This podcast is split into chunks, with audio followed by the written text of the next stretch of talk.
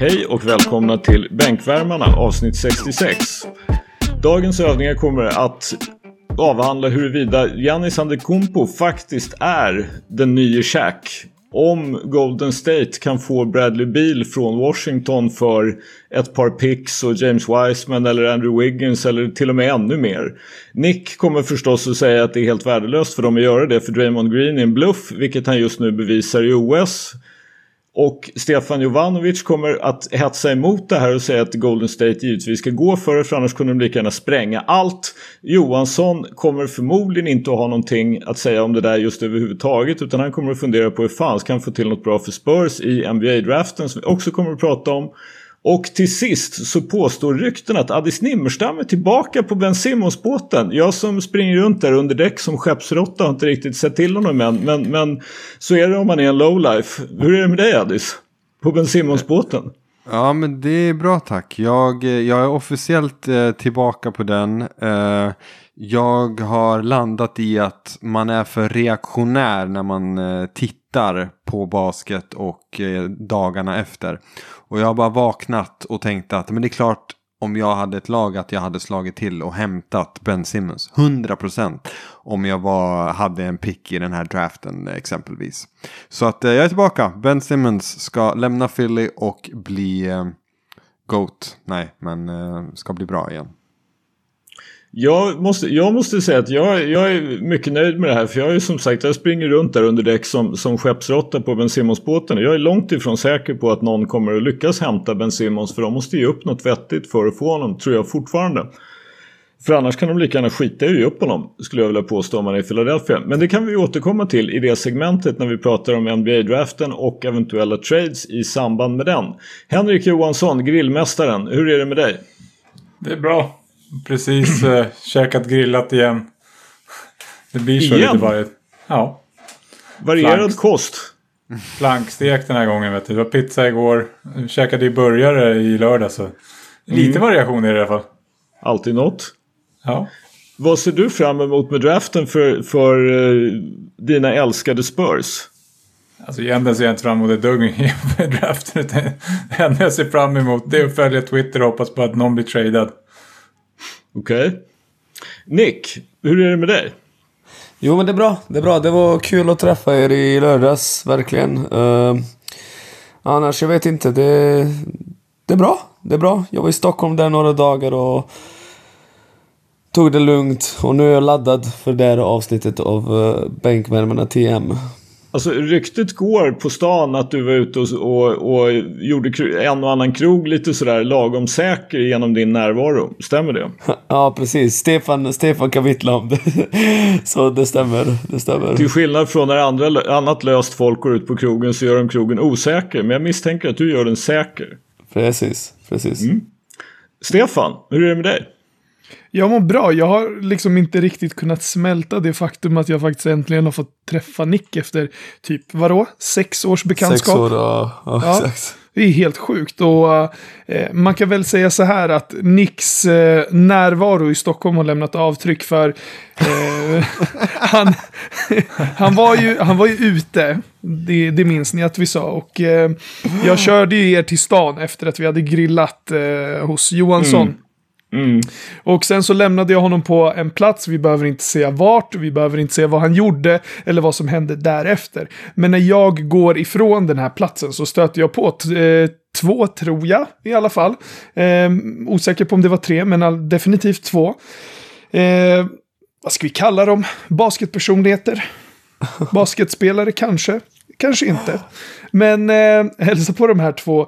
Och eh, den ena av dem känner jag mycket väl sen innan. Eh, hälsar, allt är gott, kul att se, eh, länge sen, etc. Ni vet hur det funkar när man stöter på någon efter lång tid. Och sen så garvar jag lite grann och eh, blir glad för jag känner igen den andra personen som den här personen är med då. Varpå den här personen svarar, vad fan garvar du åt? och jag bara, aha. Eh, jag bara, Tråkig nej, men, ton där. Trist jag bara, nej men, men jag vet ju vem det är och du vet nog vem jag är. Och han bara, nej. Och ni vet så här, jag, jag är ju inte den som skäms. Det vet ni ju liksom. Eh, men men eh, här kände jag mig sjukt underlägsen. Kanske var det för att den här människan hade typ sisådär 20 centimeter på mig. jag kommer varken bekräfta eller dementera. Men eh, så sa jag bara, vadå, känner du inte igen mig? Eller du följer mig på Instagram och vi har ju DMat. Så bara sti- stirrar han på mig och bara, håll käften, visa mig. Så jag bara, ha? Så det, jätte, jätte, jättekonstig stämning. Dra fram DMet. Eh, och då har jag frågat den här personen då om, eh, om han vill gästa podden. Eh, fast det här var ju liksom för ett år sedan. så ger han mig telefonen och bara, ja men vadå, varför har jag inte gästat podden då? och där och då i typ två eller tre sekunder så trodde jag att mitt huvud skulle flyga. Så bara, var det du som snackar skit om mig eller? Så jag bara, va? Nej. Och sen så hör jag hur någon säger, nej, nej, nej, det var inte han, det var Nico. Jag bara, helt, helt utan, helt utan någon som helst ryggrad så instämmer jag bara, ah, jo alltså, ehm, det, det, det, det var säkert Nick, alltså du vet hur Nick är. Han, börjar, han snackar skit, mycket skit. Äh, du, jag måste till flickvän, notera, jag är singel, jag har ingen flickvän. jag bara, jag måste till min flickvän, hon väntar på mig i bilen, ah, vi ses, ha det bra, tjo, sköt om er, hej. Och så typ eh, halvjoggade jag där därifrån. Ni som känner mig vet att jag aldrig joggar i onödan. Så du, du sålde ut Nick som om du var en hästhandlare alltså? Alltså jag, sålde, jag tror aldrig att jag någonsin i hela mitt liv har sålt ut någon billigare än vad jag sålde ut Nick den kvällen. Jag är ledsen Nick. Men eh, där och då visste jag inte vad jag skulle ta mig till. Ja, Sen, ska vi, vi ska ju förstärka det där också som Nick sa i chatten också. De som inte träffat Stefan, de vet inte att Stefan är enorm. alltså Stefan är stor. Ja, När han då känner sig liten. Alltså, det är inte ofta jag blir skraj, men där och då så var jag definitivt skraj. Eh, så ja, Nick, jag hoppas inte att du, att du eh, håller det här emot mig längre fram i livet. För den här människan kommer ju såklart aldrig, aldrig gästa vår podd. Ja, exakt. Ja, det är hårda, det är hårda bud för oss där. Vi kanske kan äh, mäkla fred på något sätt och lösa det på ett eller annat sätt. Vi får väl se. Men hur som helst, apropå då att vara 20 cm längre än vad du är så är väl Giannis Antetokounmpo tror vi väl är ungefär 11 eller möjligen 12 cm längre än vad du är. Och det var ju han som blev Finals MVP och hade om jag inte helt missminner mig 50 poäng, 14 returer och 5 blockar och lite annat i den då sista finalmatchen där de slog Phoenix och där Milwaukee Bucks slog Phoenix och tog hem NBA-titeln. Addis, du har ju bott på Bucks lyxhotell sen liksom, jag vet inte när egentligen och du har bott i Jannis bakficka ännu längre. Vad har du att säga om det här? Ja, det, det har jag. Jag var ju förra året så hade jag ju dem som eh, vinnare. Eh, och eh, då, då var man ju snett på det. Eller kanske ett år tidigare. Men eh, nej, jag tycker att det, det är verkligen, alltså hatten av. För att jag, visserligen så kanske det inte blev kanske den mest eh, svåra vägen till en finalplats eh, och kanske finalmotstånd heller. Men jag är fortfarande otroligt imponerad över det Bucks gjorde, det Bud gjorde och eh, såklart. Eh, så att, nej, väldigt, väldigt... Ehm, Alltså att de också kunde vända de här serierna. Det är det som Mm. är så imponerande. Att man ligger under 2-0 mot Nets som har en Durant i eh, tokform. Eh, att man ligger under med 2-0 i final och vänder till vinst eh, 4-2. Det är, alltså det är väldigt, väldigt imponerande faktiskt. Så att Mm. ehm, Mm. jag är nöjd. Johansson, du litade ju inte på varken Bud eller Jannis egentligen när, när slutspelet började. Nu förtäljer historien att du åtminstone litar på Jannis. Vad har du att säga om, om finalserien? Alltså jag ska börja med så här. Det, man kan prata om att krypa till korset och så vidare. Jag, jag känner inte riktigt att jag kryper till korset när det gäller Jannis. För jag tyckte ändå Jannis var en topp 5-spelare någonstans innan slutspelet. Men hans, hans utveckling sen den här typ, vad var det, ett av åtta, ett av nio treor mot Nets.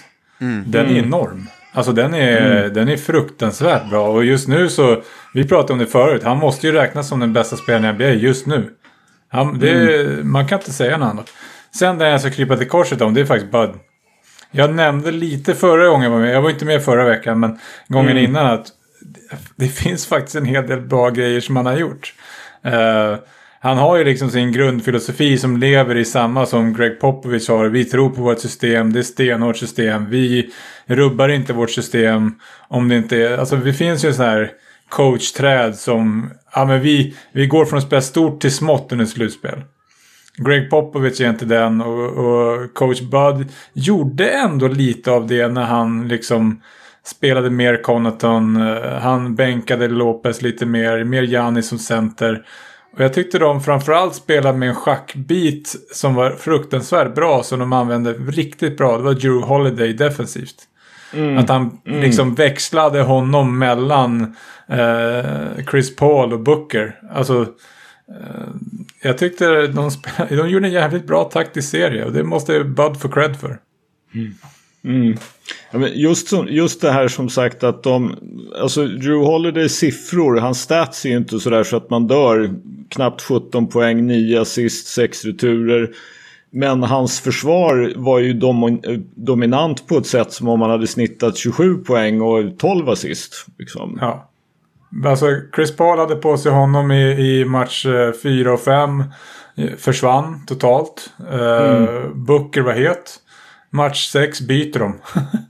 och plötsligt så gör Booker 10 poäng. Alltså det är ingen slump. Nej. Uh, Drew Holiday är alltså en jävla maskin. Som sen dyker upp 24. alltså, flyger till Tokyo, dyker upp liksom eh, knappt i landet 20 timmar och dyker upp och gör en fantastisk jävla insats. Plockar upp hel bana mot Frankrike. Ja, han, har, han har fått min Precis, respekt. plockar upp en helplanspress liksom direkt av planet och en titel i ryggen liksom. Och, och vad det nu är, hur många slutspelsmatcher nu blev. De spelade med sex finaler i alla fall. Och sju, och mest minuter på banan fick Ja, han. precis. precis. Ja. Maskin. Nick, vad säger du? Du hade ju Suns in Five inför, inför finalerna. Så blev det ju Ja. inte. Nej, det blev inte så och eh, jag tycker synd om Phoenix verkligen för att jag känner där i match 4 när de leder med 9 poäng i fjärde perioden att där förlorar de titeln i den matchen. För jag tror hade de vunnit den hade de vunnit även match 5 och säkrat allting. Istället blev det eh, istället blev det så att Milwaukee vann. Uh, Coach Bud, eh, grattis. Nu, nu kommer de vara tvungna, tvungna att ha honom kvar där i minst fem år till. Lycka till med det. Janis har bevisat, alltså efter den här matchen, sista matchen som han hade, det finns faktiskt inte så mycket att säga. Det är bara... Ja, det är bara att gratulera och säga att han måste ju vara den bästa spelaren i världen, men... Efter den här morgonen och Luka Doncic prestation det är svårt det här, alltså det är svårt. Luka Doncic, han spelar ju med ett gäng nötter. Är det någon av er som vet vem Giga Dimets är? Har ni någonsin hört talas om Giga Dimets? Jag har hört talas om honom för att jag gick igenom deras roster efter matchen i morse för att se liksom vilka av de här har jag en aning om vilka det är. Och Giga han var en av de som plan. jag innan dess inte i princip hade någon som helst aning om vem det är. För jag hade inte tittat så noga på dem inför OS. Exakt, Giga Dimets är inne på plan och de vinner med 20 i en OS-match liksom. Alltså snacka om att han är så jävla överlägsen. Det, är- det är nästan skrattretande. Nej men Janis, eh, Janis kung, han har... Han kommer vara kvar i Milwaukee kanske två år till, sen drar han vidare. Så Milwaukee, njut av de här åren. Han har gjort det han skulle. Snart drar han, trust me. Inte en chans att han stannar där karriär ut. Det finns bara inte. Varför tror du inte det? För att möjligheterna för honom som en superstjärna är ju mycket större i en större stad. Och jag vet att vi snackat om det här och small market, big market, är det verkligen så viktigt? Men jag känner ändå att han har ju också möjlighet att bli en global ikon, precis som Kobe och eh, LeBron var och är. Så jag tror att han kommer ta den möjligheten. Som sagt, han har Men gjort sitt, känn- han har vunnit. Känner du, känner du, jag, känner, jag förstår vad du menar, men jag känner lite grann, är det här verkligen Jannis personlighet? Jag tycker att han känns mera, jag, är inte riktigt, jag får inte intrycket, jag kan ju ha helt fel, jag känner ju inte Jannis, men jag får inget intryck av att han liksom längtar efter att bli en global ikon. Nej, precis. Med Kobe, med Kobe och LeBron och de här så ser man ju ganska uppenbart liksom att ja, men det här är någonting de vill bli. Eller ville bli Mm. i Kobes fall. Alltså egentligen bara, det enda jag kan komma på är Tim Duncan som verkligen sket totalt i vad folk tycker Mm. om honom liksom. Uh, Men det är i alla fall min gissning för att Bud är inte en bra coach. Den där rostern runt honom är uppenbarligen bra nog att vinna ett sånt år där allt klickar och allt går deras väg och Kevin Durant står på linjen. Men det är inget, alltså, de har låst in, jag läste någonstans, det är väldigt mycket pengar de har låst in i ett lag som är bra. Men jag känner inte att de kommer contenda liksom för evigt. Jag tror inte det. Mm. De har ju alltså, de har ju, eh, de har ju Giannis och Middleton och eh, Antetokounmpo är ju faktiskt, alltså Middleton har en player option 23-24. Giannis har inte ens en player option 24-25, men han har väl till och med ett år, det- jag tror att hans player option är 25-26 och så har då Drew Holiday har en player option 24-25. Lopez Så- har också två år till efter det här året, tror jag. Precis. Så, Och Connaughton är ju fortfarande rookie så han är ju liksom, eller går ju på någon, någon typ något rookie-kontrakt sådär. Så det här laget kan de ju ha kvar liksom om, om, om de vill så liksom. Och kan ju säkert liksom manövrera runt, eh, runt kanterna med tanke på då att de faktiskt just har vunnit en titel. Så är det ju inte bara Los Angeles Lakers då som är ett lag som kommer att, och Brooklyn Nets som kommer att attrahera veteran minimum snubbar som vill spela för ett vinnande lag och som är veteraner och kanske räknar med att deras dagar som superstjärnor och 20, 25, 30, 40 miljoner spelare är över. Men vi får väl se. Stefan, vad tyckte du om finalserien?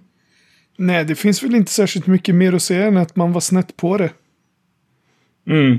Alltså så, jag har egentligen inte särskilt mycket mer att tillägga än det som, eh, som redan har sagts.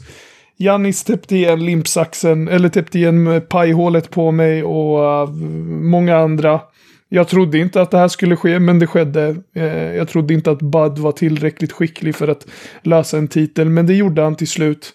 Och eh, ja, det, det är väl bara att säga som det är att, att eh, de gjorde en jäv, ett jävligt bra slutspel sammantaget. Men det ska också sägas att eh, någonstans borde man ha fattat att när, när de vann mot Nets då skulle de vinna hela skiten. För det är sådana banala grejer de går vidare på.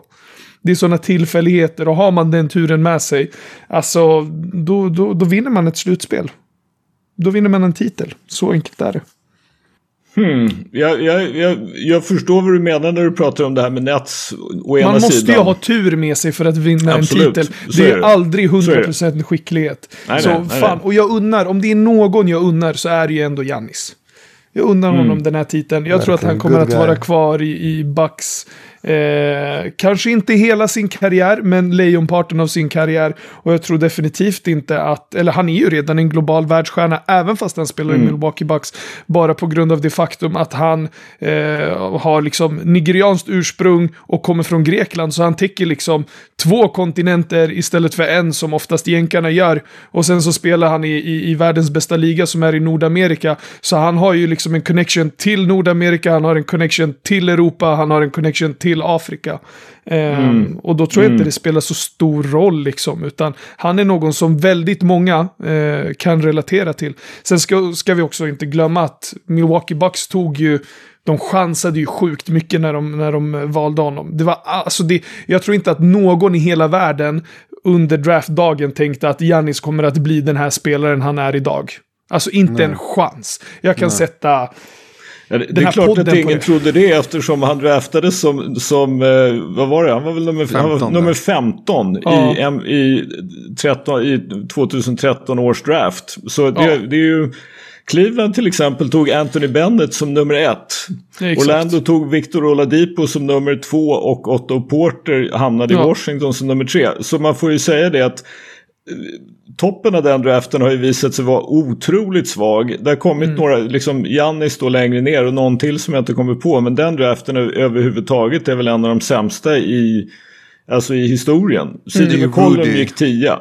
Rudy går ju sent i den draften Just det, också. Rudy Ja. går sent i den draften också. Han Och går blir till och med 27 tradad. Och så vill jag bara, och så vill jag bara lägga till att han har ju visat ganska...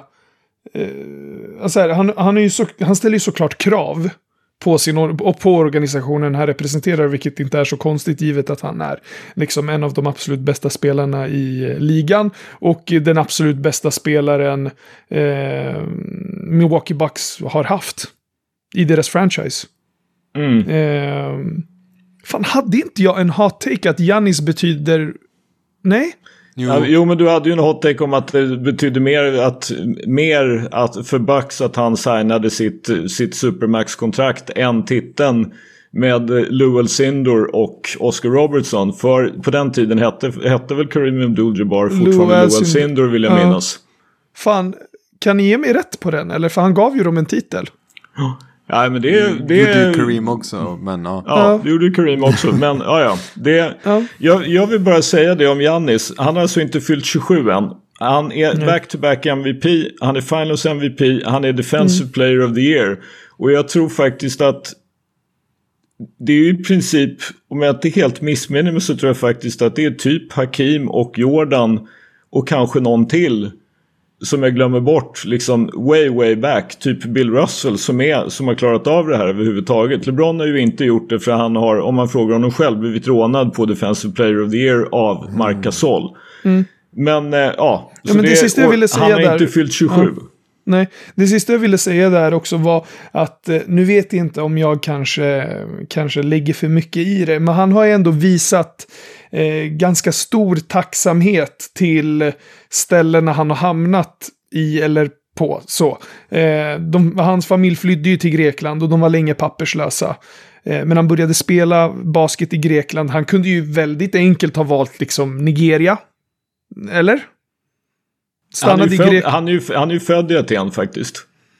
Okej, han är född i Aten. Men, Men hans det, det, föräldrar däremot flydde. Ja, nej men det, det är alltid liksom den, den grejen, det kan man ju relatera till själv, liksom. Sverige eller Serbien etc. Så jag kan tänka mig att det har varit någon form av eh, tveksamhet i om han eventuellt ska representera Grekland eller om han ska spela för Nigeria. Så, men han har ju ändå valt Grekland, så vad... Jag tänker att vad säger att han inte ska stanna i Milwaukee Bucks under sin prime liksom? De, Ja, de bettade på honom, varför ska inte han tacka? Vad sa du? Jag LeBron James har precis blivit första idrottaren någonsin att tjäna en miljard dollar under sin karriär. Om du tittar på vilka som har tagit det till nästa nivå och blivit liksom affärsmän och ikoner på en helt annan nivå så är det ju Michael Jordan, Magic Johnson och LeBron James. Men det är ju grejer vid sidan jag- av basketen. Precis. Jag, jag är inte säker liksom att man kan göra Milwaukee, men det kanske, vi får se. Vi får se. Alltså vänta nu, säger du att han är den första som har tjänat en miljard dollar? Vadå? Nej, en, Under en sin one spelarkarriär, billion. Ja. Ja, under sin spelarkarriär? Ja. Okej, Ja. jag tror i och för sig, då, pratar vi bara basket antar jag trots allt. Ja, för jag är exakt. rätt säker på att Tiger Woods har gjort det. Ja, nej, nej, nej, vi snackar, vi snackar bara basket. Enda, akt, Ja, det må- alltså, ja, det enda måste- basketspelaren ja, som tjänat one billion Precis. under sin eh, Okej. aktiva karriär. Ja. Eh, två grejer bara, eh, lite snabbt också. Bara. Jag, jag vill ge en shoutout till att Bucks vågade trada för Drew Holiday. För att det var många, säkert jag också, som var skeptiska till den traden. Eh, för, inte för att det är något fel på Drew Holiday, utan för att de gav ju upp, nu minns jag inte på rak arm, men är det tre första picks och eller first rounders och något sånt där. Eh, som, som de ger upp för att eh, få in honom. Eh, Men det visar att man måste våga, speciellt när man har en, eh, en sån superstjärna som. Det, dels så fick det ju honom att resigna, eller en av eh, anledningarna i alla fall. Men också den här titeln, Drew Holiday spelade en jättestor roll. Och att de lyckades bygga det här laget i en eh, small market som Milwaukee är. Och utan, visst Janis är draftpicken, eh, deras egna. Men, men jag kollade lite fort, alltså efter att de draftar Janis, de är ju helt snett på det i draften i princip varje år. De draftar Jabari Parker över, över Embiid, eh, eh, Ton Maker före Sabonis, DJ Wilson före eh, John Collins och OG Ananobi. Eh, De slarvar bort deras bra pick i Brogdon, slarvar de bort utan att få i princip någonting tillbaka. Eh, Men ändå lyckas de få ihop det. Eh, Det är stor, stor cred faktiskt för att det är svårt i en small market att landa någon som Drew. Och då måste du betala tre first rounders eller vad det nu är. Ja, det, är det, det var Erik Bledsoe, George Hill och så var det två future first round picks och så var det rights to swap two additional first round picks. Mm. Som de skickade för, Ja. för Holiday. Och i en fyra eh, teams trade. Fyra, liksom. ja, precis. Ja, det var och det många där som är blev ju- tradade i det där. Ja, Det där är ju en all-in move. Alltså då, då flyttar man ju alla chips. Eh, eller chips. Eh, men, Det, eh, det intressanta var ju att de hade ju Bogdan Bodanovic på gång också. Ja, precis. Exakt. Det, ja, man kan ju tänka sig sådär att liksom, det hade varit ganska bra för dem att ha honom också. ja. De, tydligen så var det ju så att de slarvade bort det. Dels för att de väl kanske inte riktigt var färdiga med att ha pratat med honom själv, med Bogdanovic. Och att de då så att säga offentliggjorde den här traden innan man fick Exakt. Innan man liksom fick egentligen göra någon trade överhuvudtaget. De skulle väl göra en signing trade med honom tror jag hur som helst. Men det, Han hade ju gjort viss nytta för dem onekligen i, i det här slutspelet. Det kan man, Och även framgent. Han är ju liksom i en bra ålder för det här laget. Nåväl, jag föreslår att vi lämnar ändå finalerna och går till NBA-draften. Johansson, du är ju den som har sämst koll av oss alla på NBA-draften. För du tycker ju ändå bara att den är skräp. Men Jovanovic, Stefan, du är ju den som brukar vara väldigt intresserad av det här. Du sa ju innan vi började spela in att du hoppar av Jonathan eh, Kuminga-tåget som du var den första på redan för över ett år sedan. ja Vad säger du om draften och ser du liksom någonting i draften nu då som sker torsdag natt, det vill säga egentligen fredag morgon i Sverige. Klockan två på natten torsdag, fredag 29 juli då så börjar, sänds draften om man har till exempel League Pass. Man kan säkert streama den på andra sätt också. Men, tror att det eh, är ESPN som ja. ständer den, men det finns säkert någon full stream, inte för att vi Mm. på något sätt uppmuntrar våra lyssnare att googla efter olagliga streams, men ni fattar vad vi menar. Ehm, det, det som slår mig med den här draften är att det finns typ eh, tre eller fyra olika segment. Eh, I det första segmentet så har vi Cade Cunningham, eh, som också är liksom odiskutabla ettan. Eh, vi har Jalen Green och Evan Mobley, även om jag håller Cade Cunningham och kanske till och med Evan Mobley lite över Jalen Green. Även om Jalen Green har haft fantastiska workouts nu.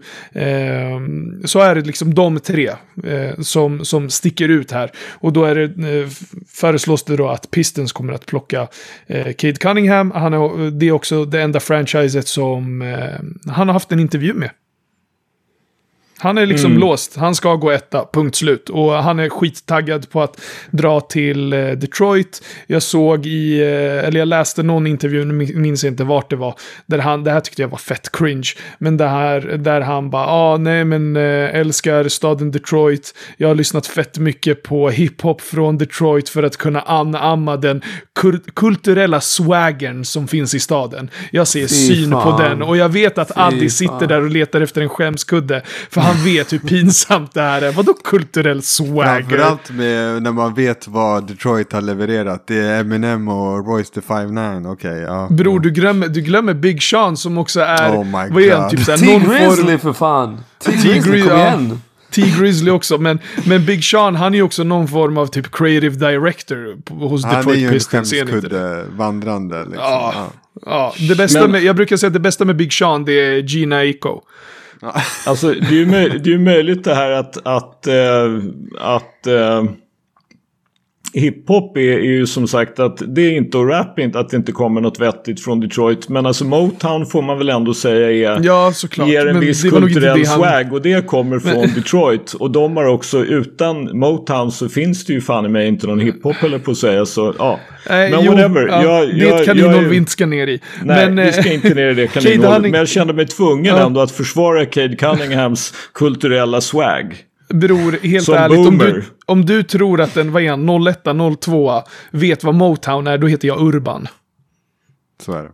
Ja. Men skitsamma. Eh, Allvarligt. Det där, den, den, Ja. den kommer jag att skicka ut en tweet. Vet inte Ja. Cade Cunningham vad. Motown är? Det tror fan jag att han han gör. Inte en No chans. chance. Inte en chans. Det är en Jag helt tror, allvarligt talat, jag tror inte att ni fattar vad Motown betyder i Jo, USA. Så jag jag tror fattar. att ni är 100% fel. Jag är helt säker på att Cade Cunningham vet direkt vad Motown är. Men bort från det kaninhålet, tillbaka till draften. Ja, och eh, Rockets då föreslås då eh, välja Jalen Green som är eh, en ganska atletisk fantastisk explosiv, elektrisk scorer. Eh, han började lite tungt i eh, G-League. Han, han var ju en, det var han, Jonathan Kuminga och Isaiah Todd som drog till eh, G-League Ignite istället för att eh, eh, dra på college. Och han inledde lite tufft sådär, vilket kanske inte är så konstigt i och med att han, är, han var en high school-spelare. Men eh, avslutade ganska bra och han har skjutit fruktansvärt bra under draft-combinen och eh, under sina workouts. Så i Jalen Green kan Rockets faktiskt få, uh, få lite av en uh, kanske James Harden-aktig spelare. Han kommer ju fortfarande vara en matador defensivt, eh, åtminstone sina första kanske ett, två år. Men eh, givet hans size och hans explosivitet så tror jag också att han, eh, när han väl lägger på sig några kilo, kan bli, kan bli en vettig försvarare. Inte en superbra, inte en bra, men en vettig försvarare. Alltså, jag måste bara säga där att mm. han är ju listad som 6'6. Mm. Och 178 pounds. Och Mm. 178 pounds är alltså i häraden då 85? av... Nej, Alltså 200 pounds i 91 kilo. Så det Ja. innebär då att du kan dra av 9. Så han väger alltså ungefär 82 kilo och är då närmare Mm. 2 meter lång. Sugrör doesn't begin to cover it. Och det där kommer han ju behöva göra någonting åt om han ska bli 100. en, en 100%. fungerande försvarare i NBA. Mm. Sen att han kan fortfarande kan skåra och allt det där, det, det tror jag ju säkert. Men Och vi vet han ju kan det här inte väga laget... 82 kilo och vara nästan 2 meter och klara sig i försvar i NBA. Nej, och, och så här, vi vet ju också vid det här laget att eh, offensiv talang primeras i den här ligan. Så, det eh, vet vi. Eh, och, sen, och sen så, Cavs föreslå, föreslås då eh, välja Evan Mobley eh, med tredje picken. Och Evan Mobley är... Ja, hur ska vi beskriva Evan Mobley? Jag och Jonathan Hubba har ju pratat väldigt mycket om honom. Det är en, eh, ja, men först och främst en center, en extremt passningsskicklig center, eh, kreativ center, eh, med sjukt bra händer. Alltså, hade han, hade han inte varit seven feet så hade man nästan kunnat sätta honom alltså, i det här Jannis-facket. Och ha honom som PG typ första tre fyra åren eller något sånt. Eh, men eh, jag tycker det, det, det som är lite jobbigt med Mobley det är också att han, han är 2,13 och han väger ju inte mycket, mycket, mycket mer än, än Jalen Green liksom. Han det är, typ listad på 15 205, han, nej, men han är listad på 215 faktiskt. Vilket innebär Ja. att han i alla fall är, väger lite drygt 100. Okej, ja det är ändå OK, men han måste fortfarande Mm. bulka upp för eh, man ser att det är en ganska smal frame så. Mm. Eh, rör sig fruktansvärt bra, bra händer, bra, eh, som gubbarna på andra sidan pölen säger, bra fil för spelet. Eh, jag skulle nog säga, det här kanske är lite av en hot take, men jag skulle nog säga att hans feeling för, för det generella spelet just nu, alltså om vi snackar typ uppmärksamhet defensivt och offensivt, är på en betydligt högre nivå än när Anthony Davis eh, klev in i NBA.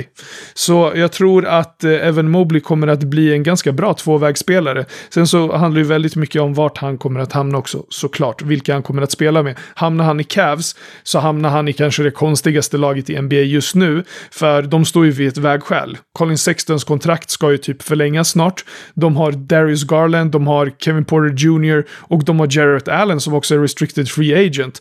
Det, Kevin alltså- Porter Jr släppte de väl ändå till Houston va? För att han kastade Just det, någon han tårtbit Houston, just det, det var eller det var inget- skrika. Det var bara för att vi hade Rockets före som jag tänkte på Mm. Kevin Porter Jr.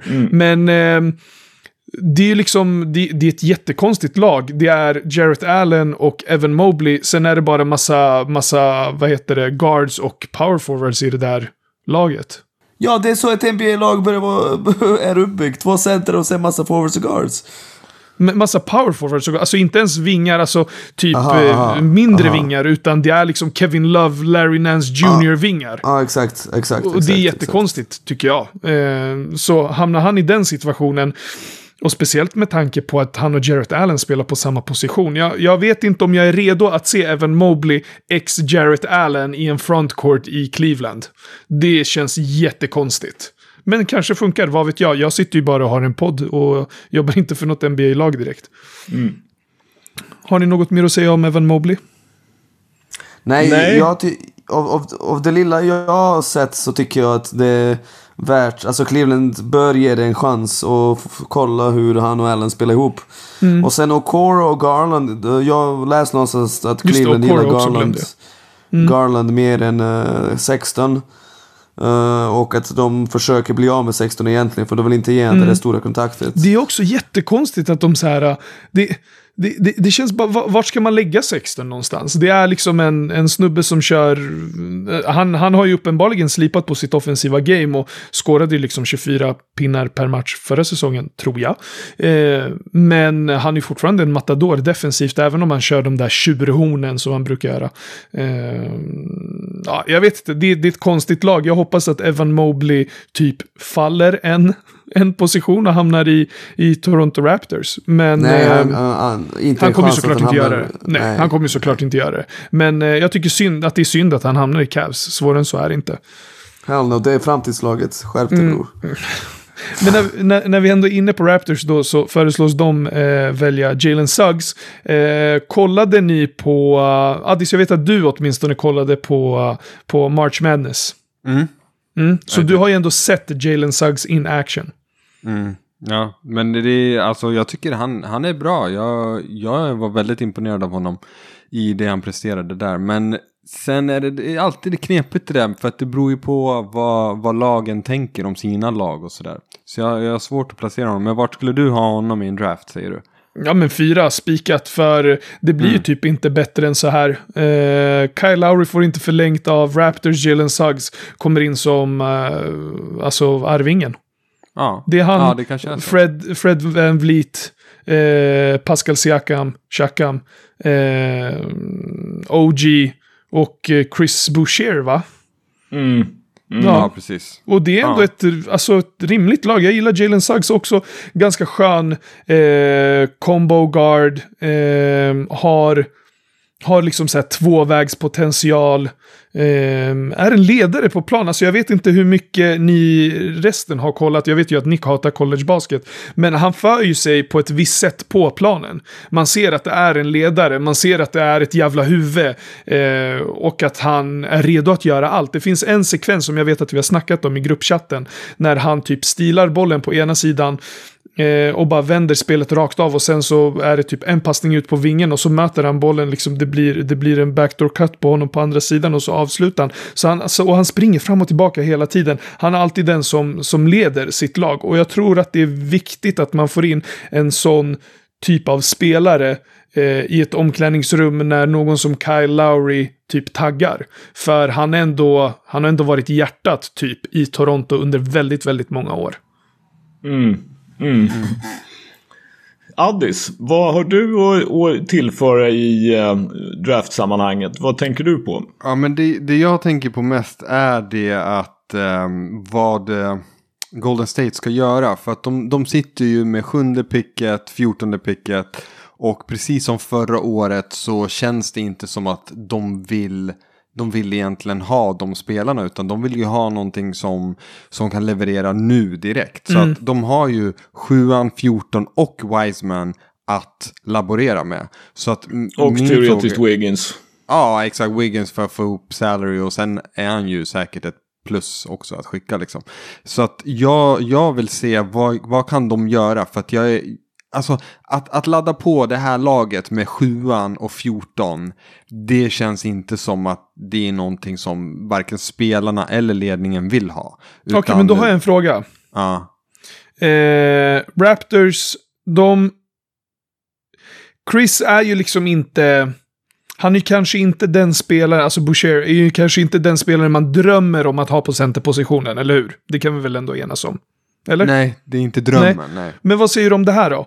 Eh, sjuan, fyran, James Wise, nej vad säger jag? Sjuan, fjort, 14, sju, Mm. James Wiseman för eh, pick nummer fyra. Vem lägger Raptors på eller lyfter de luren? Oh.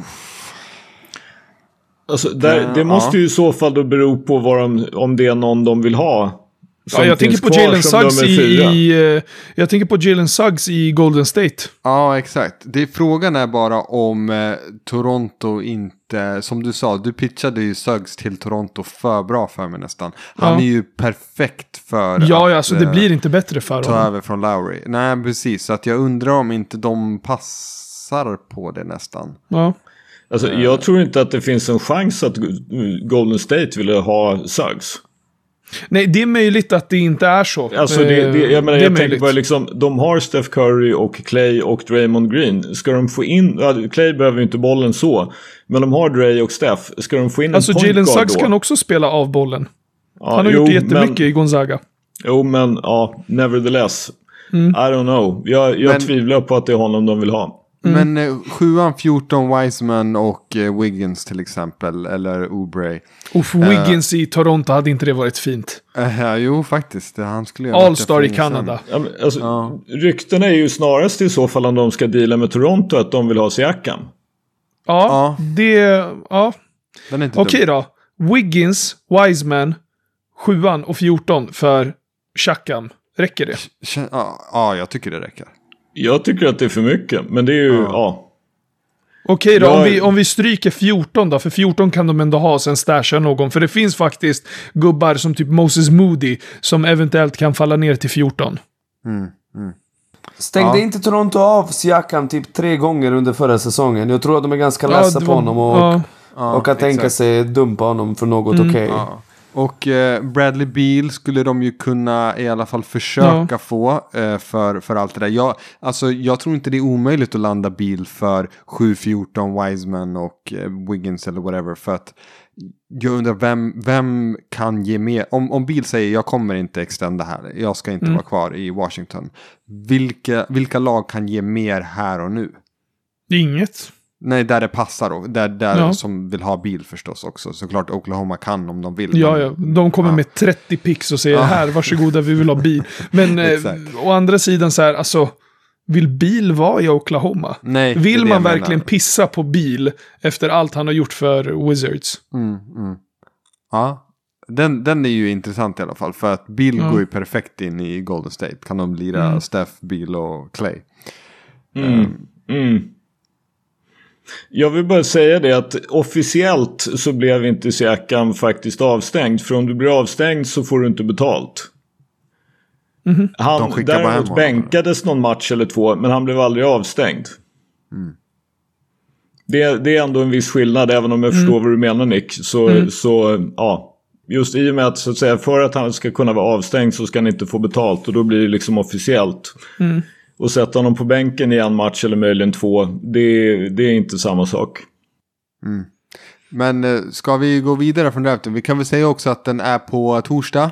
Mm. Eh, torsdag natt klockan två. Alltså, jag, vill, jag vill bara göra det tillägget att eh, vår, vår vän Johansson har faktiskt inte sagt ett ljud om draften. Jag vill ändå höra någonting. Ja men det spelar väl ingen roll. Han har, han har, det, händer ju saker runt draften, trades och så vidare. Du sa ju det att du vill följa Twitter och se vad som händer på trades. Har du någon trade du ser fram emot? Ja, men om, vi, om vi då går vidare till det här vi pratade om Milwaukee. De gjorde en, en chansningstrade för Drew Holiday. De senaste tre mästerskapen har, har någon gjort en all-in trade för en spelare som är tagit dem över toppen. Holiday, Davis, Kawhi. Mm. Och det är väl bara att se vilket lag är det som går efter en, en bil eller någonting idag som gör att just de. Och som Addi sa, det är ju de lagen som ligger där precis. Som kanske bör göra en satsning. Även Phoenix förra året gjorde en satsning på Chris Paul.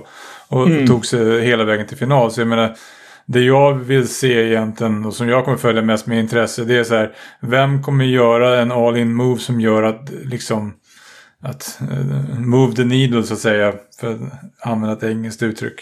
Vem är det som lockar få till sig den där sista talangen som tar en från ja, de är riktigt bra till att det här är ett lag som kan vinna. Alltså, jag känner ju lite grann, det finns en sak till i det här sammanhanget. Det, Lakers är ju alltid ett, liksom, det är bara asmycket rykten och Laker-fans gör tok vansinniga trades som ingen kommer att gå med på. Men de kommer vilja göra någonting. Sen så är ju även då eh, är ju ryktet väldigt mycket Philadelphia apropå Ben Simmons-båten. Är det någon som kan tänka sig att Philadelphia gör någonting som liksom hänger ihop med draften? De har ju själva då eh, de har ju bara 28 picken men sen så har de ju Ben Simmons. Och just för tillfället så kanske man får, jag tror att det är som Addi säger att nu får de nog inte 20 cent på dollarn för Simmons eller 30 utan de får mer. Men de får knappast en dollar för Simmons och då är frågan, liksom, kan de göra någonting som skulle intressera dem som du som är Daryl Morjeet, Addis, vad tror du? Eh, ja, men den, jag, tror att den, jag tror att han ryker nu. Alltså att, att trade blir av, det tror jag verkligen. Men sen har jag faktiskt ingen aning om vart Ben Simmons till slut hamnar. För att jag har väldigt svårt att se vilka lag som är intresserade av honom just nu. Speciellt i liksom efterdyningarna av det här playoffsen. Han, hans uh, stock har ju aldrig varit lägre. Och jag vet faktiskt inte. vilka Men, lag eh, kommer... Ja. Jag, jag, tror ju personligen att det finns ett antal lag som lite grann som du ser, alltså som ser chansen att få Simons billigt.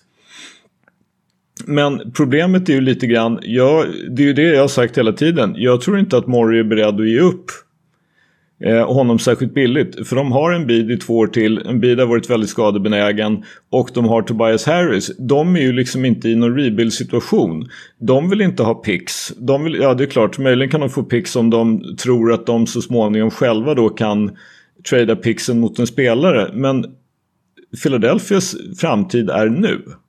Mm. Den är inte liksom, det, det, finns ingen timeline som, som, som är något annat än nu när du har en bid och Tobias Harris. Nej, men och Mori, som du säger, Mori är ju aldrig bort någonting gratis eller billigt. Men eh, mm. jag läser precis faktiskt på Twitter en, en rapport då om att 76ers har inte, haven't been able to really even get in touch with Ben Simmons since season ended. Så alltså, Jättekonstigt. Ja, så att, eh, att han är stekt i Philly, det tror jag nästan 100%. De kan inte komma tillbaka. Vad har vi för med... källa på det här? Ja, det är en, något... Något konto med tre jag följare. Jag läste att Philadelphia ringer runt andra lag och liksom uh, snackar Ben Simmons. Så han är ju... Han ryker. Det måste han, han ryker. Ja, men de kan, alltså Philly-fansen kommer ju typ bua ut honom om, mm. om han dyker upp tror jag. Alltså, så de kommer att bua ut Philly ännu mer om de kastar bort Simmons. Uh, om de bara mm. liksom skänker bort honom för att i princip bli av med honom. Det tror inte jag kommer att hända. Ja, vi får se. Vi får se. Mm. Får jag bara bränna igenom eh, lite snabbt, inte mer än typ två rader, om resterande, mm, vad heter det, eh, om På potentiella... ett villkor, ja. att du pratar om Alperen Sengun under ja, de här två det, minuterna, annars det, får du inte ja. det. Det kommer jag definitivt göra. För eh, som jag sa, det är Mobley, Green och Cunningham i eh, liksom segment eller block 1. Sen är det Jalen Suggs eh, precis under dem som är i ett eget block. Sen är det en spelare som heter Scotty Barnes som är typ en um, kombination av Draymond Green och Ben Simmons-ish. Alltså fantastisk eh, försvarare, kan säkert försvara position 1-5, men har inte ens Alltså, om Ben Simmons inte kan skjuta, då kan Scotty Barnes inte ens skjuta som Ben Simmons. Det är hemskt. Det, det där ser hemskt ut. Eh, sen så har vi en snubbe som heter James Book Knight eller Bow Knight, jag vet inte. Jag har hört båda. Eh, men han är en bucket rakt av. Vi har en snubbe som heter Moses Moody som kanske är, eh, ja, kanske en av de tre, fyra, fem bästa skyttarna i den här draften. Jag gillar honom jättemycket. Eh, jag hade ett fantastiskt år på Arkansas. Eh, Jonathan Kuminga som jag har lämnat lite åt sidan. Vi ska inte glömma att han typ är yngst i den här draften. Han var 17 Nej, han hade precis fyllt 18 kanske till och med tror jag. När han debuterade i G-League. Han är fortfarande bara barnet 6-8, skitstor frame. Om Nick tyckte att jag var stor, Jonathan Kuminga, han är stor, stor. Det finns eh, enorm fysisk potential där. Alperen eh, Sengin som eh, vann mot Sverige på egen maskin. 18 år mm. gammal. I, I kvalet till eh, EM. Eller hur? Visst var det EM? Mm. Ja. Mm. Eh, har eh, uppat upp sina, sina aktier i den här draften och förväntas gå i lotteriet i alla fall. Eh, gått från att vara en snubbe i andra rundan till kanske eventuellt till och med en topp 10-kandidat. Sen så när vi ändå är inne på det internationella spåret så har vi en snubbe som heter Josh Gidey som är en eh, lång PG. Eh, och det hade kanske inte varit jättekonstigt om han hade hamnat i New Orleans eh, eftersom New Orleans kanske till och med torskar Lonzo Ball. Och vem ska då liksom vara... vara Eric Bledsoe baby! Erik Bledsoe. Snark säger jag. Eh, sen så har vi Mo Wagners brorsa, Frans. Eh, som också förväntas gå i lotteriet. Jag har inte superbra koll på honom för jag har knappt kollat på Michigan. Eh, sen så har vi eh, Osman Garuba. När vi ja, fortsatt då på, på det internationella spåret. Kanske hamnar hos Henke Johanssons eh, Spurs, kanske inte. En av de bästa försvararna i den här draften. Och Nick, du har väl ändå koll på honom från hans sejour i Real Madrid? Ja, ja, ja han, är, han är bra. Han är riktigt bra. Han fick ju spela ganska mycket i Real Madrid och ehm, han, eh, han kommer bli en bra NBA-spelare. Sen får vi se om han är liksom en rollspelare på 15-20 eller något mer. Om du skulle jämföra honom eh, med någon, hade det varit rimligt att jämföra honom med Sergi Baca? Ja, jo. Båda har spelat i Spanien och liksom och så vidare. Ja, ja, typ. Skulle... Ja, men det, det är väl en rimlig jämförelse. Faktiskt.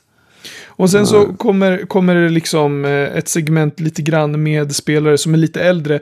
Chris Duarte som har varit grym på Oregon. Eh, sen så är det ju en röd flagg att han är typ 24. Eh, Davion, Davion Mitchell som har gjort en bra säsong eh, på Baylor. Eh, men som har liksom gjort ganska mycket noise omkring sig. Jag är fortfarande övertygad om att han hade tjänat mer pengar som typ linebacker i NFL eller någonting. Jag vet inte. Han hade i alla fall spelat i NFL och tjänat massa pengar för han är lika bred som han är lång. Eh, stark som en oxe. Eh, Eh, men ja, vi får se vad som händer med honom. Väger också sjukt mycket. Han är listad typ 6-1 eller något sånt där. Men han väger, själv den, 200 pounds, vad är det i kilo? 91. Ja, så han, eh, och 6-1, hur lång är man då? 1,85? 6? 1,83 med skor. 1,84 kanske med skor. Ni Ja, hör ju 1,84, själva. 1,85 med skor. Säg att han är 1,85 men väger 91 kilo. Han ser ju nästan ut som Nick. En bulldog. Nick är fett krallig till alla de som inte vet. Eh, sen så kommer det I alla massa... fall överkroppen. I alla fall överkroppen. Men sen så kommer det massa konstiga spelare. Keon Johnson, Trey Murphy, Jalen Johnson. Som eh, i och för sig Hörru, förut... du skulle ta Ja. två rader. Ja, men jag har inte sagt två rader om Jalen Johnson. Det är, det är en sleeper i den här draften. Jag vill bara dra sleeper snabbt. Jalen Johnson, Jared Butler eh, och eh, vad heter han som spelade på Stanford? Fan, jag har hans namn på tungan. Eh, tappat det. Jonathan Jair Hubbe. Williams. Vadå? Jair Williams. Eh, exakt. Zaire Williams tror jag han heter. Ja, Ja, skitsamma, whatever. men han i alla fall. Zaire. De tre. Ja, och Jaden Springer som också har gjort ganska bra workouts. Så de är mina sleepers. Tack för det. Vi går vidare från draften. Det var väldigt långa två rader och väldigt många två rader skulle jag vilja påstå. Men, men eh, det är Jag sa faktiskt om varje spelare. Ja, whatever. Det var väldigt långa Tack och för din många hur expertis, som Stefan. helst. Ja, Du, du är vår draft-guru. älskar Du vår draften, det är det draft-guru. bästa som finns. Så om min chef eh, lyssnar på det här, om jag kommer sent på, vad blir det? Eh, Torsdag morgon? Fredag fredag, morgon, fredag morgon. så vet du varför. Jag har kollat på draften. Eh, nästa segment tack. Nästa segment är en oerhört hastig OS-översikt. Två saker är väl intressanta. Nej, tre saker är intressanta. Och vi börjar med det som är absolut in- mest intressant. Och det är det att Luis Scola, 41 år gammal, Boomer Scola, var Argentinas typ bästa spelare när de fick dyngspö mot Slovenien. Och de fick ju dyngspö mot Slovenien lätt av Luka Doncic som hade 48 poäng och vad det nu var, 11-12 returer och 5 assist. Och bara käkade dem helt enkelt. Och hade kunnat slå då Oscar Smiths rekord på 55 poäng i en OS-match om han hade fått några minuter till. Men det behövdes ju inte. Och sen så har då USA förlorat mot Frankrike med 83-76 blev det väl till sist va? Och reaktion på det Johansson, du har ju sett lite OS vet jag. Ja, alltså jag är inte... Ytterligare något som Johansson hatar. Internationell Nej. basket. Internationell bas. Nej, jag hatar inte internationell fotboll. Jag tycker det faktiskt har varit några ganska bra matcher. Den matchen vi... Alltså Frankrike var en bra match. Uh, Frankrike-USA. Uh, jag har suttit och kollat på Italien-Tyskland med att vi, vi har poddat in där. Så, nej, jag tycker inte att det är dålig basket. Jag tycker bara att det är en... Det är en skillnad för hur man spelar. Det är någon sorts blandning. Man märker att amerikanerna är ju inte vana vid att spela mot den här typen av försvar. Alltså det gör en enorm skillnad att, att trepoängslinjen är en bit in. Att planen är lite smalare. Att eh, folk får stå i tre sekunder konstant. Och eh, alltså jag tror att USA kommer greja. De kommer ju fixa det här. Jag menar, sista spelarna landade för 20 timmar innan första matchen. Och nu mötte de verkligen en av kandidaterna att kunna vinna det här. Men sen med det sagt så är det så här att alltså, USA måste fan checka sig själva för att de måste fatta att man kan inte bara kliva in längre. Alltså, man måste spela på topp för att vinna. Sen är det också en nackdel med att, eh, med att de har typ nya spelare varje samling. Ja, Och alltså typ Evan Fournier och Rudy Gobert, de har ju spelat tillsammans i landslaget sedan åtminstone 2014. Och så är det Ja. kryddat med massa andra spelare också som har varit med i den karusellen. Eh, men det märks ju att det, inte, att det är exakt noll kemi i USA. Finns inte. Ja men det är också samma sak. Man märker ju att eh, alltså, vad, vad gör man som coach i det här läget? Man måste testa olika lineups och så vidare. Alltså, t- om, om USA möter Frankrike igen. Tveksamt att Keldon Johnson och Javel McGee kommer få speltid. Alltså, nu fick ju alla typ lira och det var snällt och fint och alltihopa. Men alltså att allting ska falla åt helvete. Typ att KD är typ utfallad och att de lirarna får lira. Det är... Men med det sagt, Frankrike är bra. Australien gillar jag som fan. Eftersom att jag gillar eh, Aussie Boomer Paddy Mills. Typ min favoritspelare. Mm. Mm. Sen måste jag säga att jag tyckte, alltså jag, Luka Doncic gjorde Och- och- 48, men, jag men jag vill avskyr bara göra tillägget för, för mindre utbildade lyssnare då att när Johansson säger boomer Paddy Mills så är det inte bara för att han är över 30 utan också för att Australien alltid kallas för the boomer så är därmed mitt favoritlag i det här OSet. Förlåt Johansson, vidare i programmet. Ja, nej, men jag måste säga så här. Luka Doncic är makalös. Men jag tycker, alltså. Jag har någonstans hållit borta de här liksom, eh, jämförelserna mot James Harden och Westbrook med att han är lite mer osjälvisk. Jag tar tillbaka dem.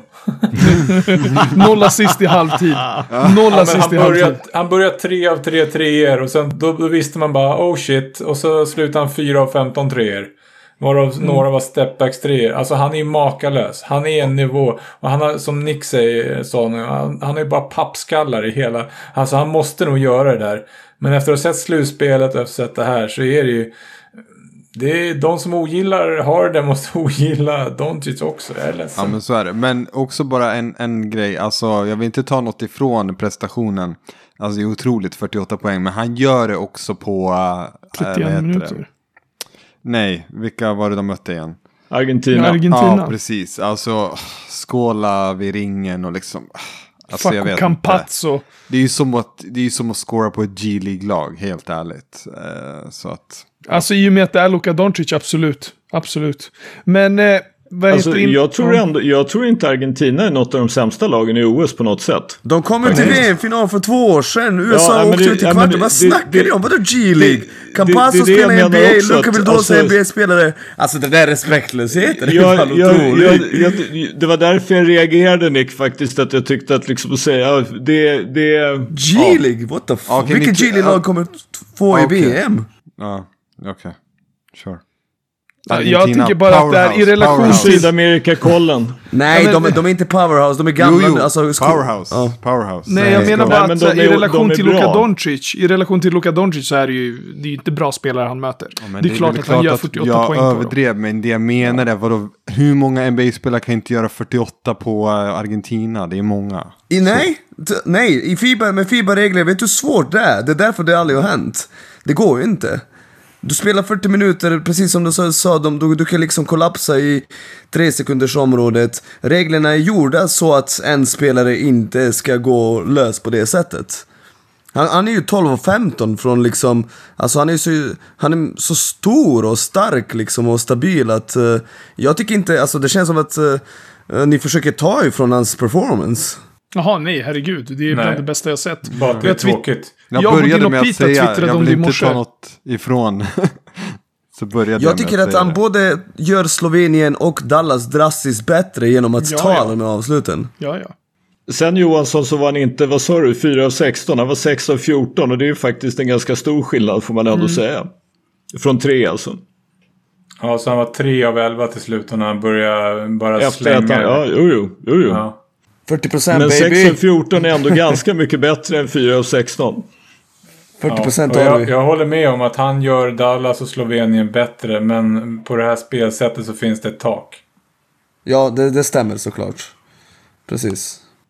Kan vi inte alla Men- picka en vinnare då innan vi bara lämnar det här OS-segmentet? USA. USA. Ja, USA. Australien. Australien här också, min fucking broder. Nej, jag reviderar. Boomers. Argentina. Förlåt, Argentina. De kommer studsa tillbaka, det är NBA dudes, La Provitola. Argentina. Gabriel Deck. Eller Gabriel Deck. Han Ja, de, de var ju typ sex NBA-spelare. Jag fattar inte, alltså det är så jävla dåliga. Ja, ja, okej. Nick, visst känns det ändå som att Australien kommer ta det i år? Ja, de har spelat ihop i tusen år, det är Ja. deras mästerskap. Ja. Det, om jag säger så här, ett rykte som jag såg idag så här, det var att Utah kommer få problem med salary cap och de är redo att ge bort Ingles för en, någon sorts pick. Skulle inte han vara en sån som kunde hjälpa ett lag? Alltså... ett 100 riktigt bra lag. procent. Alltså Kuzma. KCP, second round pick. Nej men, nej, men, bara, Nej, men alltså, sluta, bara- inga jävla fantasi lakers Jag driver, det, det är ett Ja, skämt. jag det är vet, men jag vill inte höra sånt. Fy fan vad jag är trött på såna här galna Lakers-dårar. Folk som tycker att Lakers ska få både Bradley Beal och Russell Westbrook och någon till och dessutom behålla sin pick. Och Caruso. Nej, vi lägger ner Du- Lakers tycker jag. Säg, säg, säg Denver. Mm. Eller kanske sköldens Chicago Bulls. Så kanske de tar Ja, sig fast, till play-in. fast, fast, fast grejen, är, grejen är ju den, som sagt, det är ju ingen, det är ju ingen idé för Bulls att gå efter Ingles. Och det, är, ju liksom, det vore ju fel mot honom. Det är, ju- han ska ju vara en contender. Liksom, I i contender skämt. 20-25 minuter så är det ju liksom, vi är ingenting som, som Utah skulle vilja ha ändå tror jag. Det är, ja, tyvärr. Eh, ja, alltså. Säkert. Ja. Då behöver vi få något mer förmodligen, men ah, ja, whatever. Nåväl, Nick, du blev ju perfekt uppeldad där inför dagens hot takes. Skjut. Ja, jag hade en hot take för typ 10 sekunder i mitt huvud. Nu kan jag inte, kan jag inte komma ihåg. Vänta, vad här? Vad här? Ehm, what the fuck? Det är ju läskigt. Kan någon annan börja? Snälla. Jag, det kommer komma. Stefan. Det var någon... Nej, det var jag har pratat någon för mycket. Ta, ta någon annan först. Vad är det som händer? Jag kan ta den då. Ja, kör Johansson. Eh, eftersom att jag lyssnade på förra avsnittet när det pratades om det här med en, en titel och vad det gör med ens eh, plats i historien och så vidare. Och vi, pra- det var, vi pratade även om Tidigare var det ju det här när Addis tog upp det här med Bill Simmons. Att om Chris Paul vinner en, en titel så hoppar han från 30 till 20 eller vad det ah, Jag kommer inte ihåg. Han är kvar på 30 nu kan jag säga, enligt Bill Simmons. Ja, Mm. Ja, det var... Du lyssnar jag- på jag Bill vill- Simmons fortfarande alltså? Älskar Bill Simmons. Jag gör det också. Jag lägger min nyans så här. Och att det handlar inte nödvändigtvis om vad man, att man vinner. Utan vad man gör när man är i den situationen. Alltså att, att då Chris Paul nu, även om han hade vunnit och han hade spelat så här. Då vet jag inte om jag hade skickat upp honom. För att jag tycker att han gör en, ja okej. Alltså. Samtidigt som att om Janis hade förlorat och fortfarande haft de här statsen så hade jag skickat upp honom längre upp ändå. Eh, så min hot take är så här. Och jag lägger den med lite mer nyans än vad jag pratade med grabbarna om i lördags. Så jag lägger den så här. Man kan argumentera för att om Janis slutar idag. Så är han den näst bästa powerforwarden genom tiderna. Efter Och KG, den bästa eller? är förstås? Efter Duncan. Ja, jag ville bara höra dig säga det. Ja, jag vill eh, hoppa på här för att uh, Addis, jag vet, eller vet du vad, Addis, Addis Jag, jag tycker först. att du får släppa den till Addis, Nick. Ja, Eh, kör men vi Addis. kan ju börja med att Duncan är en, alltså, ska vi verkligen kalla honom power forward? Jag vet inte. Men, eh, Ja, nej, det, det kan jag hålla med om. Det, Den, den så är diskutabel, säger jag. Den är Ja, diskutabel. men han lirade ju... Han lirade ju så mycket med Nesterovic och Kurt Thomas och David Robinson. Alltså, man, man kan inte... Sista åren han var han var ju- absolut inte en power forward. Det var han inte. Nej. Men i början så var det ju, han hade oftast en stor center bredvid sig. Ja. Mm. Ja, oavsett vad. Eh, jag förstår precis vad du menar. Jag tycker inte att det är helt orimligt. Men eh, alltså i så fall så eh, är ju Jannis i princip bättre än Duncan också. Jag vet inte om folk hade skrivit under på det. Och det har ju i princip bara med winning bias att göra. Alltså att Duncan är eh, meriterad när det kommer till att eh, vinna mer än de flesta i NBAs historia. Eh, men, men när du nyanserade det Johansson och sa att det handlar om vad man gör eh, Mm, på planen. Så är det i princip eh, i, in, inte stor skillnad om ens någon mellan Garnett och Duncan över hela deras prime. Så att köper man att han är bättre än Garnett då kan man köpa att han passerar Duncan om ett år. Jag tror väldigt få personer hade accepterat det, eller? Jag var på väg att ha så här, jag tror att han kan äh, även passera Duncan så småningom. Det, den, äh, den funderade jag länge på. Jag tycker ändå att det finns fortfarande en viss skillnad mellan gånger. Jag förstår det här med winning och så vidare. Ehm, så att ja, nej men, eh, men sen är jag inte säker på att jag riktigt har, jag, jag har tänkt på det ganska mycket. Jag är en Garnett-fan också. Alltså jag är verkligen det. Jag, jag, jag skulle ta Jannis just nu över alla andra PFs, men ja, den där är svår. Alltså det är jättesvårt att jämföra för att Garnett och Duncan, båda de två var egentligen som bäst i en era där det scorades så lite Exakt. som det... Alltså jag kollade liksom den här... uh, Garnetts bland hans bästa matcher är uh, Game 7 mot Sacramento 2004. Han gör 32, 21 returer, 5 blockar, någonting sånt liksom. Ja, eh, fantastiska siffror. Matchen slutar typ 83-80. Ja. Eh, alltså det går inte ens att jämföra andel possessions som ens finns att jobba med. Eh, alltså det, det blir väldigt svårt att avgöra. Ja, eh, liksom att justera för det eller den låga procenten som folk sköt då jämfört med idag. Det är, det är jättesvårt. Men alltså, hej, alltså när Janis är klar med allting då tror jag att han kommer kunna vara blåsa förbi båda de två. Men jag skulle nog vänta med att göra det redan nu. Här, här har du Janis all time power forwards. 1. Tim Duncan.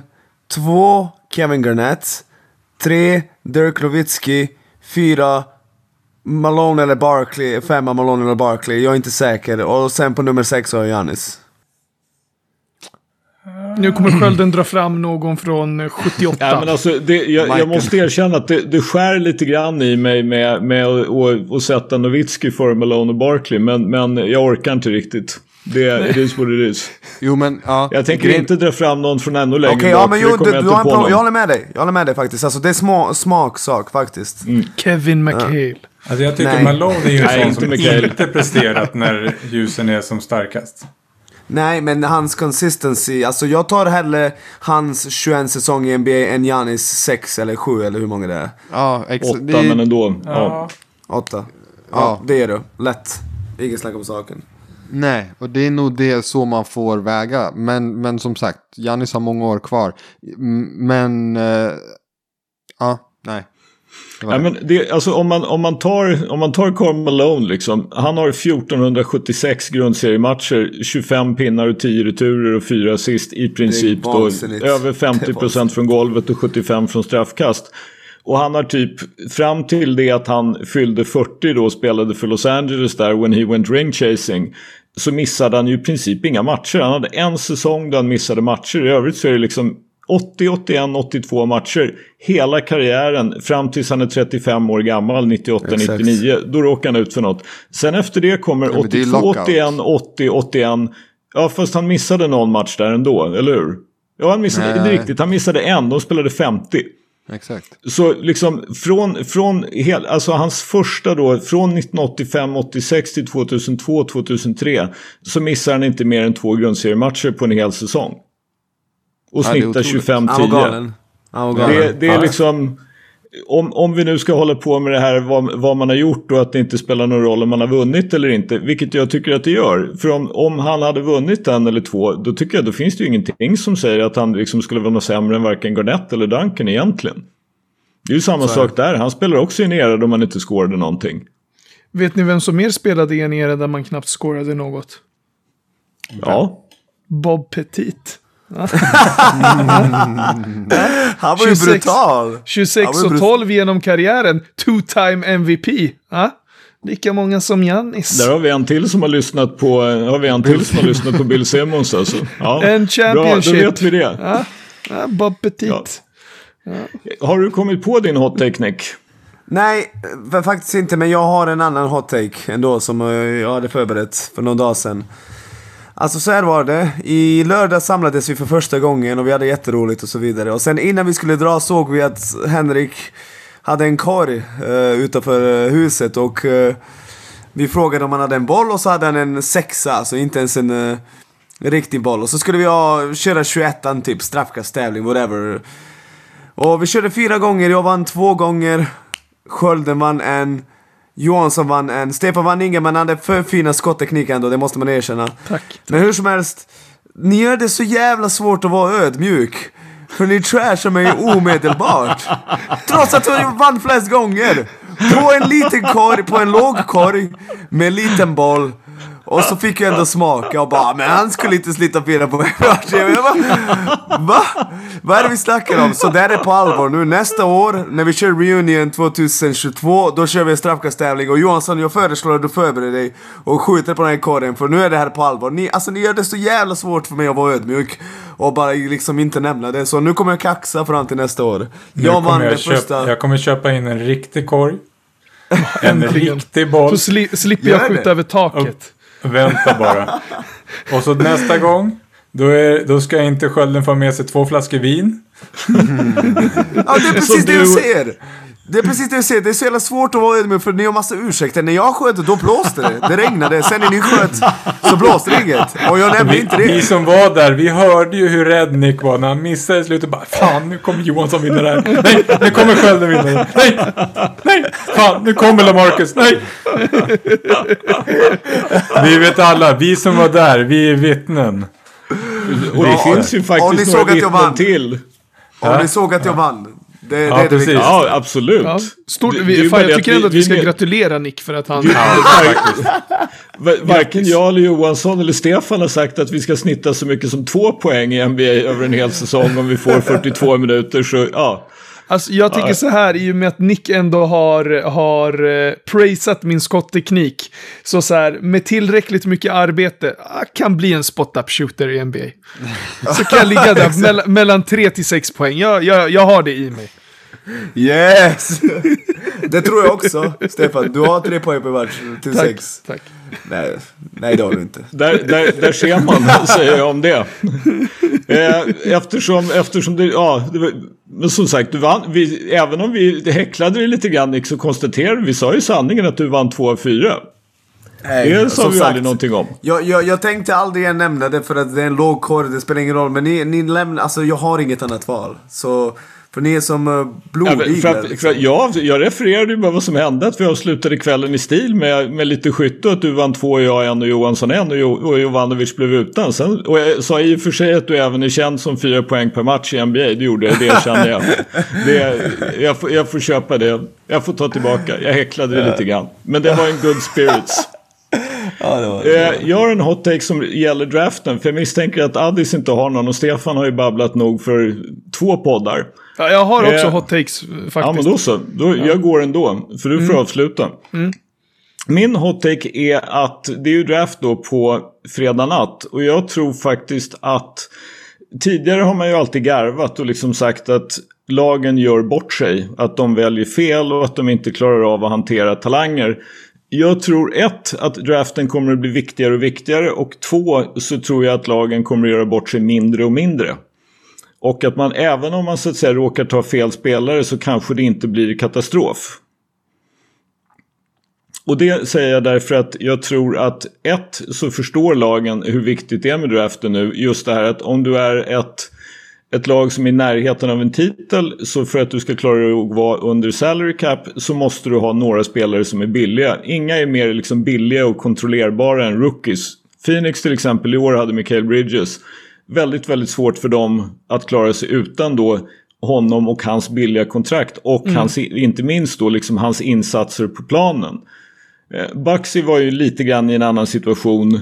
De har ju då inte riktigt, de har ju inte exakt samma, men de fick ju ändå en hel del av Connaughton till exempel då som ju också är på ett, om jag inte helt missminner mig på ett rookie-kontrakt fortfarande. Eh, Han, han tog ju faktiskt ganska bra med minuter från Lopez till sist. Och varför jag tror det här är ju det att NBA-lagen helt enkelt blir, även om, de, även om vi tycker att Bud är en dålig coach, och jag tycker nog inte att han är så dålig som du tycker Nick till exempel, så finns det ju ändå i organisationen så pass mycket kompetenta människor att man kommer att vara bättre på att utveckla spelare. Det är viktigare, de ses mer som en investering, man investerar bättre i front office. Till och med snåla jävla Chicago Bulls har ju börjat inse att vi måste spendera lite pengar på att ha folk som kan utveckla spelare, som kan ta hand om dem och hålla dem skadefria. Och spelarna inte minst då har ju börjat förstå Liksom de har ju det här incitamentet. De förstår. De har en karriär på 10, 12, 13, 15 år. Som de behöver tjäna allt vad de någonsin kan. Det här har blivit mycket viktigare. Det var inte så här förut. Så jag tror att dagarna då vi liksom kommer att sitta och peka finger och garva åt lag för att de gjorde en så jävla dålig draft är i princip över. Ja, jag läste en sak faktiskt i eh, The Athletic häromdagen. Om att eh, Orlando Magic bland annat då har investerat i ett AI-verktyg. Som då ska analysera allt från typ distans till närmsta försvarare. Eh, hur de rör sig, deras skottprocent och sådär i realtid medan man sitter och kollar på matchen. Nu är inte det där eh, kanske det mest, alltså det är ju inte med 100% eh, träffbild som man kan få ett korrekt resultat av ett sånt verktyg. Långt ifrån. Men bara att man har kunnat kvantifiera och att, så här, att man kan mäta sådana där grejer i realtid säger ju ganska mycket. Mm, mm. Och de hade någon form av exklusivitet med det där senaste två åren. Inte för att de har gjort någonting bra de senaste två åren. Men, eh, men eh, det finns ändå. Och eh, från och med den här säsongen kommer även fler franchises att kunna använda just den enskilda tjänsten. Men jag har en retake på det där också. Det är att det aldrig har funnits eh, vad heter det, så här många bra spelare som, som, Nej men det som blir, det blir ju så för det, det här finns ju då givetvis på college så har det ju också skickligare coacher och fler och det satsas mer pengar. Sen står vi lite grann inför ett skifte vad som kommer att hända med college, vad som kommer att hända med G-League Ja. och om man kommer att välja Europa och liksom allt det där. Men hur det än är så kommer det att finnas väldigt många bra miljöer för spelarna Ja. att utvecklas och spelarna så att säga kommer att vara mer committade till att utvecklas än vad de någonsin har varit. Håller helt med dig. Får jag ta en kommentar bara? Mm. Jag håller inte med alls. För att om det är så, det är någonting är det så här, de stabila lirarna som ändå har producerat ganska bra och varit hjälp till lag. Det är oftast spelare som kanske gått något eller några år på college och blivit stabila och lärt sig mycket saker. Och NBA-lag kommer i slutändan titta på den här stabila liraren och så kommer de titta på en talang och bara Kan vi hitta en ny Jannis? Och då kommer de välja talang för eh, det som verkligen är bra och då kommer, de, då kommer lag göra bort sig. Kominga MVP om fem år. Fast, fast det, jag tycker det finns ändå liksom just där man tittar på, nu är det bara en enda draft, men alltså den här då när, vi har ju sagt det att Atlanta gjorde ju bort sig som fan som tradade då bort Luka Doncic för att få Trae Young. Och det, de gjorde ju fel, men de fick Trae Young. Phoenix tog DeAndre Ayton och gick till final. De enda som egentligen gjorde bort sig i den draften liksom kraftigt, det var Sacramento Kings. Så där, där får man väl säga att de har en del att lära fortfarande. Men Bagley har inte heller varit speciellt frisk och han har varit i en, i en konstig miljö. Jag tror att Sacramento, kom, även Sacramento kommer att bli en bättre organisation inom kort. Det var en möjligt. hot take. Det var hot Den. Möjligt, möjligt. Ja. Sen är det ju givetvis så, det är 30 lag. Liksom 29 kommer att förlora om vi nu ska vara sådana. Ja, så- Nåväl, så. Stefan, close Ja. to show. Ja, tre snabba hot takes. Eh, om Tre? Mikael, eh, tre. Om Mikael Bridges hade stannat i Philadelphia 76ers hade de vunnit mi- minst en titel fram tills idag. Damn! Det är en hot take. Jag har Luka Doncic, om han tar en medalj med Slovenien i det här OSet, så är han en av, om inte, den bästa spelaren som har producerats i före detta Jugoslavien. Han, är det, han är det redan nu tycker jag nästan. Även Ja. fast Jokic är grym. Ja, ja, nej men uh, plocka han en medalj med Slovenien. Petrovic? Ja, Ja, men det, det, bättre. ja, ja, men det tåls att bara, diskuteras. jag bara ställer Jag- frågan. Ja, för jag, jag surrade lite med, eh, med Dino Pita om det här i, eh, i morse. Så tänkte jag bara fan, jag ska ta med det här till avsnittet. Kniper han en medalj till? Ja, jag säger det rakt av. Jag vågar. Han är den bästa spelaren från före detta Jugoslavien om man plockar en medalj i OS med det här Slovenien. För det finns ingen som kan, som kan mäkta med eh, den bragden. Eh, och liksom, alltså, så här, han, han vann ett jävla EM med ett skräplag. Och Goran Dragic. What the fuck man? Ja. Eh, sista hot-taken. Det här snackade vi om lite grann eh, vid eh, matbordet i lördags. När vi eh, snackade justeringar och uteblivna titlar och sånt där. Och vi är ju alla överens om att Adnan Chuk är en av eh, de bästa tränarna vi har haft i Sverige. Eller hur? Mm. Men Yes, är han absolut. inte, är han inte Sveriges motsvarighet till till Bud. Nej. Bud? Låst Ja. grundspel. Anpassar inte jättemycket. Och så, här, jag tänker mest på den, på den gångna säsongen. Och torsken mot eh, Södertälje. Nick, vad tycker du?